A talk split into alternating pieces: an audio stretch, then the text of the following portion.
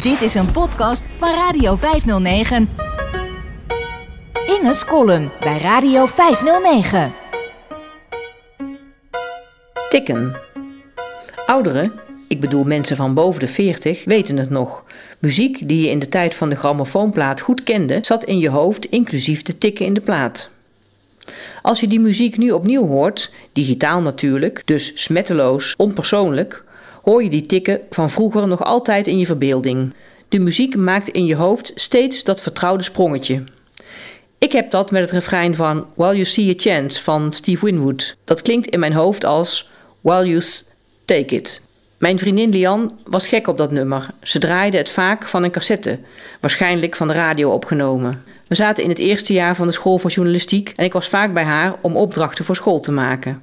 Of gewoon om te kletsen en naar muziek te luisteren en onze kater over te laten gaan. Lian maakte oploskoffie en smeerde crackers met langhoudbare smeerpartij van Unox. Die zat in een rond bakje van een soort dik aluminiumfolie. Zolang het bakje dicht bleef, kon je het eindeloos bewaren buiten de koelkast. Dat was handig, want Lian had geen koelkast. Ze huurde een kamer bij ene Piet. In die kamer stond een bed en een tafel met een stoel en een kastje. Dat was het wel zo ongeveer.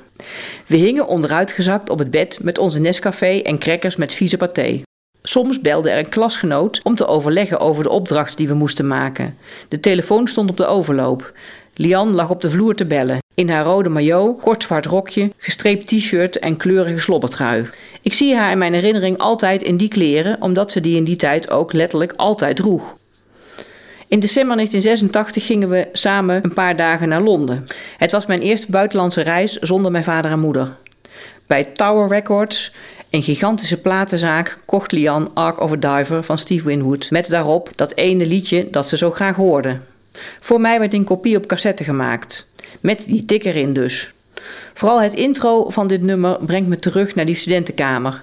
De oploskoffie en de crackers met smeerpartij, die ik toen lekker vond, maar later nooit meer heb gegeten. Radio. Radio 509. Radio 509.